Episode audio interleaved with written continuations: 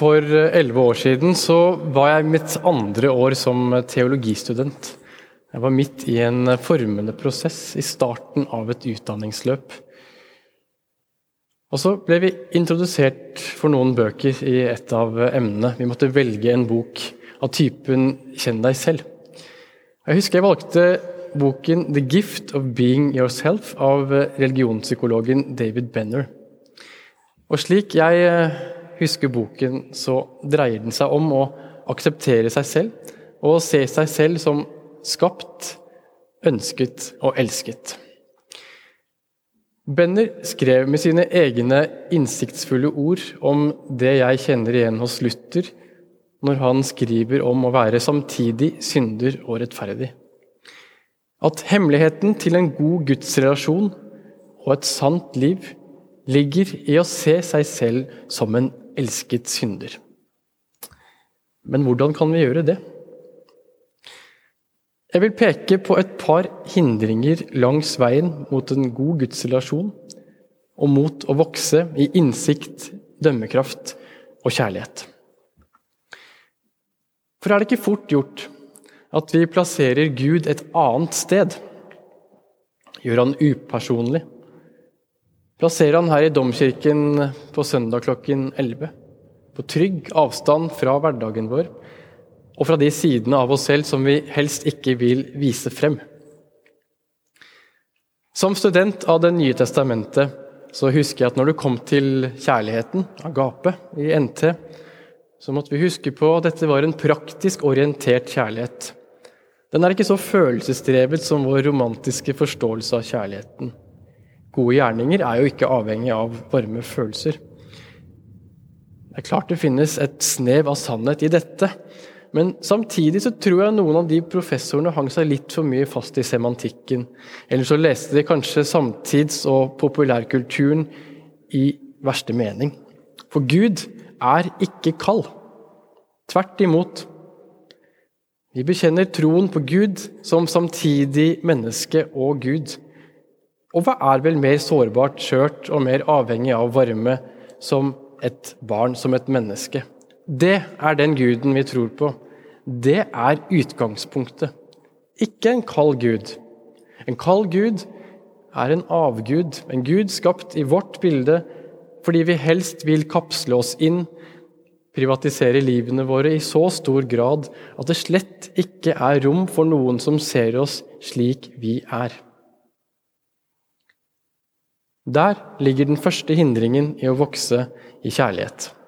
Vi gjør Gud til en kald gud. En gud som bare finnes rundt domkirkens blankpolerte lysekroner. Jeg tror at grunnen til mange av oss ønsker å holde Gud på avstand, handler om erfaringer som vi har gjort oss. Han ble latterliggjort på jobb. Hun delte av sitt innerste, men ble avvist. Mange er redde for at de, selv om de har folk rundt seg, egentlig står helt alene i verden. Har du hørt den fortellingen om eh, hun som sto på toppen av en klippe, og så mistet hun balansen, falt utenfor. Men på veien utfor så greide hun å klamre seg fast til en, til en gren. Så står Gud på toppen, og så sier han, 'Slipp taket' og så vil jeg redde deg. Og så svarer hun tilbake, er det noen andre der oppe? Sånn er det ofte med vår relasjon til Gud. Vi tenker kanskje at han ikke er der, at vi egentlig er alene. Og Har vi først gjort noen erfaringer som dette, så krever det ganske mye av oss å skulle stole på at det er noen der som faktisk vil deg vel. Og her, her har vi ulike utgangspunkt. Vi har fått utdelt ulike kort. I dag så vil jeg si til deg, om du kjenner deg igjen i dette eller ikke Gud har skapt deg fordi Gud ville ha deg. Evangeliene forteller oss at Jesus møtte mennesker som et varmt og levende menneske.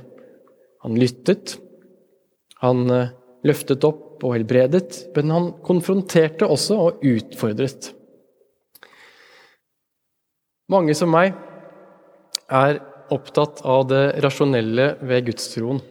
Det er viktig for min tro at den er knyttet til tenkning, etterprøvbarhet og en diskurs. Og Dette er det flere grunner til. Men det er en fare ved dette. Og det er at vi tenker at den eneste kilden til å kjenne Gud er gjennom tanken. Men det er som å bruke bare halve hjernen. Det holder ikke. Og der ligger den andre hindringen i dag. Det er en hjernehalvdel til. For Gud er til stede midt i livet, i hverdagen. I alle øyeblikkene hvor du sitter oppslukt i en spennende samtale og virkelig lytter til den andre. Det er når du deler dine innerste tanker, og du blir tatt godt imot og forstått. Å lytte til Gud, det må vi gjøre med hele bredden av sanser og intellekt. Med både hode og hjerte. Så sier ikke jeg at kjærligheten er friksjonsløs og en evig strøm av eh, nytelse. Milde ord kan være forførende, og utfordrende tale kan være av det gode. Tenk på en mor som irettesetter barnet sitt hvis det har gjort noe galt. Kjærligheten kan være utfordrende, like utfordrende som Jesu ord i evangelieteksten i dag. Og her må vi søke innsikt og øve opp dømmekraften, slik at vi kan lære oss å skille. Når Paulus skriver til filipperne, så er det med et ønske om at de skal fylles av eh, kjærlighet, innsikt og dømmekraft. Så vet vi med bakgrunn i alle brevene Paulus skrev til ulike menigheter, at de slett ikke alltid bugnet av kjærlighet og enhet. I stedet så var de ofte drevet av selvhevdelse, egne agendaer, teologiske kjepphester eller det gamle ordet ærgjerrighet, som betyr å alltid skulle være best, og deretter sole seg i glansen. Jeg vet ikke om det er så veldig mye som har forandret seg på dette punktet de siste 2000 år. Om vi skal være ærlige med oss selv, og det skal vi jo, så kan det godt hende vi oppdager at motivene våre ikke alltid er de mest hederlige. Men hva skal vi gjøre med det? Én, vi kan skamme oss og gjemme det vekk. Eller to, vi kan legge det fram for Gud. Si det som det er. Her er jeg.